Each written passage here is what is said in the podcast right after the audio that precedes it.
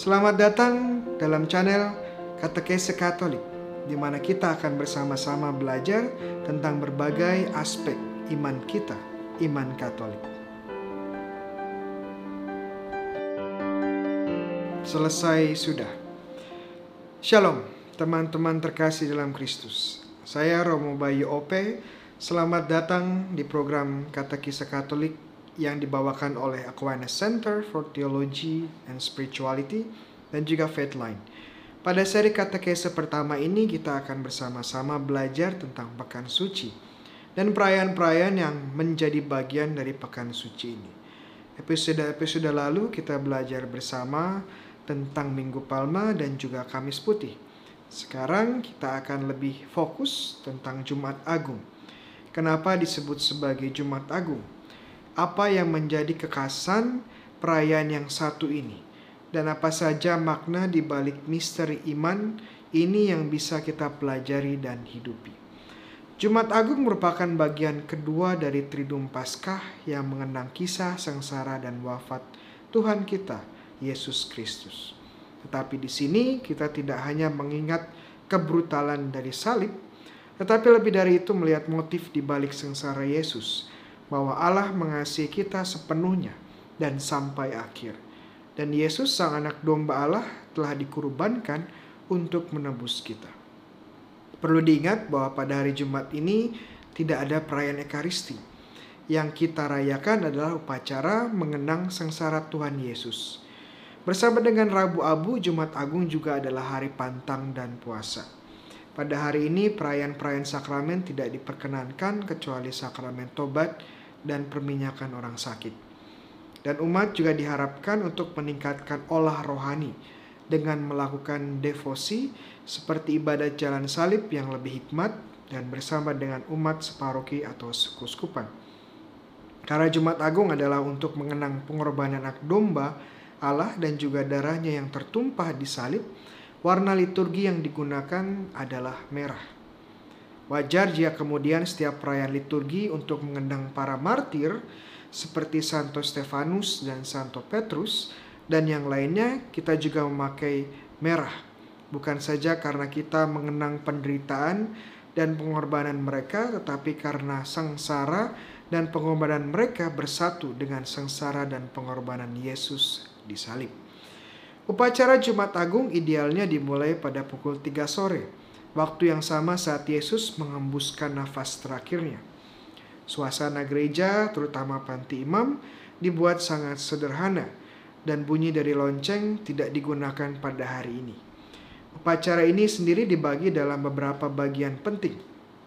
Pertama, liturgi sabda. Bagian ini terdiri dari kisah sengsara Yesus atau pasio, tetapi untuk Jumat Agung, pasionya selalu diambil dari Injil Yohanes dan kemudian doa umat agung atau meriah. Dan secara tradisi ada 10 intensi yang didoakan bagi gereja dan dunia. Kedua adalah ibadat penghormatan salib. Perayaan ini biasanya dimulai dengan perarakan salib menuju panti imam dan secara bertahap kain yang menutupi salib dibuka. Saat mencapai panti imam, salib ini kemudian dihormati dengan mencium kaki Yesus yang disalib. Ketiga, ibadat komuni. Jadi tubuh Kristus yang telah dipersiapkan dan disimpan sejak Kamis Putih dibawa kembali ke dalam gereja. Kemudian uskup atau romo mengajak umat berdoa Bapa kami dan juga mengenang anak domba Allah. Kemudian komuni dibagikan dan disantap oleh umat. Sekali lagi yang sering luput dari pengamatan kita adalah upacara Jumat Agung ini tidak dibuka dan ditutup oleh tanda salib. Saat pembukaan, uskup atau imam yang masuk ke dalam gereja dengan hening dan kemudian di depan altar akan melakukan tiarap atau terlentang. Memberikan penghormatan yang terdalam kepada Yesus yang akan memberikan diri seutuhnya di salib. Tetapi setelah itu dia langsung memulai doa pembukaan tanpa tanda salib. Demikian pula di akhir upacara ini, setelah doa penutup, uskup atau imam akan meninggalkan panti imam dalam keheningan ini penting karena upacara Jumat Agung adalah kelanjutan dari perayaan Kamis Putih dan akan terus berlanjut sampai perayaan Malam Paskah pada Sabtu malam. Tiga perayaan ini sekali lagi membentuk satu kesatuan yang biasa disebut sebagai Triduum Paskah. Tentunya banyak sekali yang bisa kita bahas mengenai Pasyua yang kita dengar dari Injil Yohanes ini. Dan mungkin pada kesempatan ini saya mengajak Anda untuk fokus pada apa makna dan sejarah salib. Sebagai umat Kristiani, kita pasti tahu salib itu apa. Ini adalah tanda dan identitas kita sebagai pengikut Kristus. Toh Yesus sendiri pernah bersabda, Barang siapa tidak memikul salibnya dan mengikut aku tidak dapat menjadi muridku. Dari Lukas 14 ayat 27. Dan memang hidup kita dipenuhi oleh kehadiran salib. Saat kita masuk ke gereja pasti ada salibnya. Saat kita masuk ke dalam rumah atau kamar umat Kristiani, kita juga akan melihat salib. Bahkan ada beberapa dari kita yang menggunakan kalung salib atau cincin salib.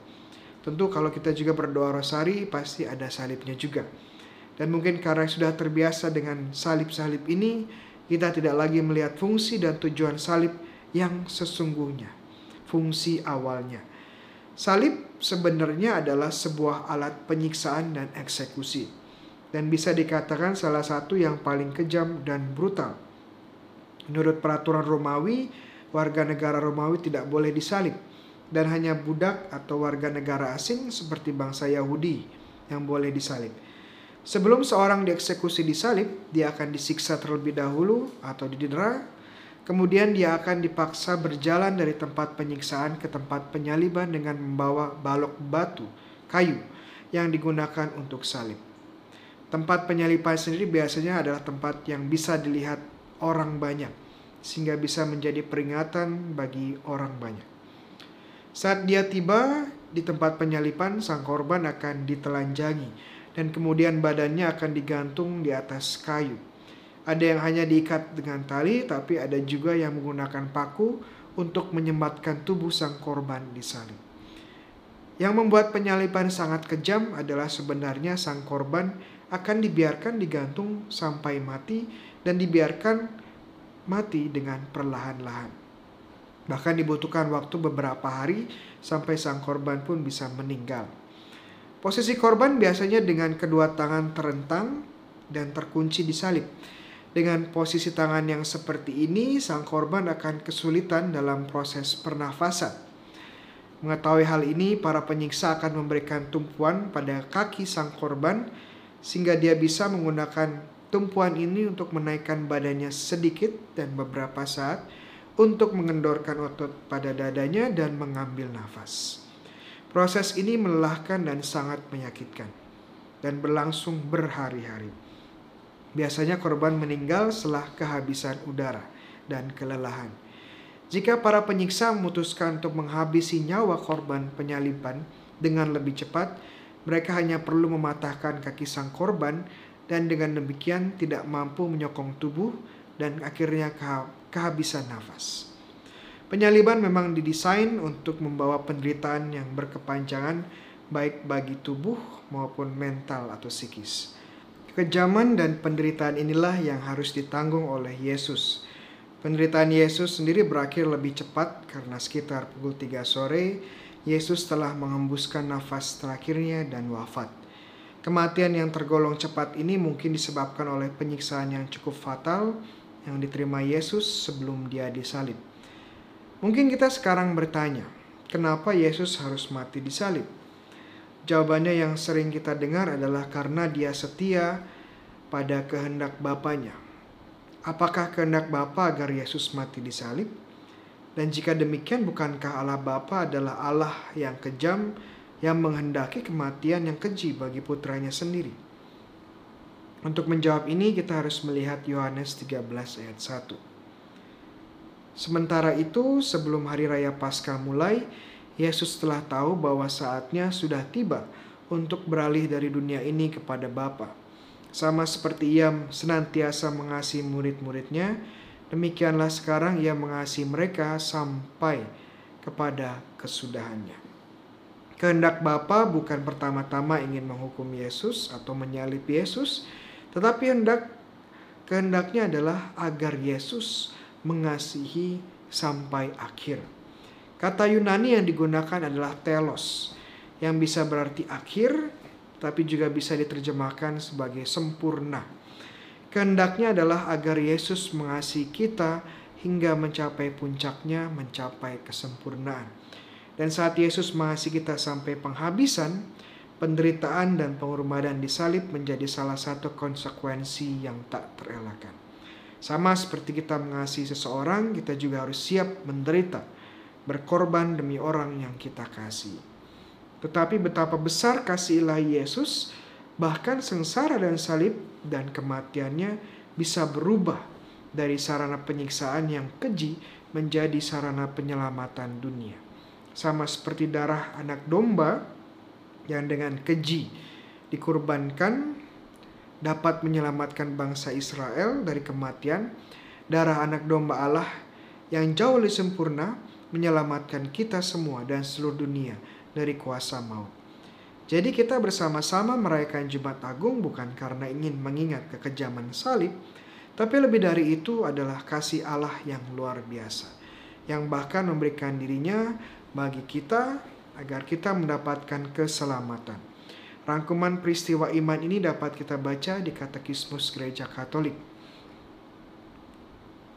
Kasih sampai kepada kesudahannya. Memberi nilai khusus kepada kurban Kristus dan mengakibatkan bahwa ia menebus, memperbaiki, mendamaikan, dan menyilih. Pada waktu menyerahkan kehidupannya untuk kita, Yesus mengenal kita semua dan mencintai kita semua. Kasih Kristus menguasai kami, karena kami telah mengerti bahwa kalau satu orang sudah mati untuk semua orang, maka mereka semua sudah mati. Tidak seorang manusia, malahan orang kudus terbesar sekalipun yang mampu menanggung dosa semua manusia dan menyerahkan dirinya sebagai kurban untuk semua. Tapi berkat pribadi putra ilahi dalam Kristus yang melampaui semua pribadi manusia – dan sekaligus merangkulnya dan membuat Kristus menjadi kepala seluruh umat manusia, maka kurban Kristus mendapat penebus semua orang. Saudaraku yang terkasih, teman-teman, sahabatku yang terkasih, demikian kata kese Katolik kita untuk Jumat Agung ini. Untuk teman-teman yang memiliki saran dan pertanyaan bisa langsung ditulis di bagian komen di bawah ini. Dan jangan lupa untuk like dan juga subscribe YouTube account ini atau channel ini atau follow akun IG kita untuk mendapatkan katekese-katekese berikutnya. Tuhan sertamu, kita semua diberkati oleh Allah yang Maha Kuasa, Bapa dan Putra dan Roh Kudus. Amin.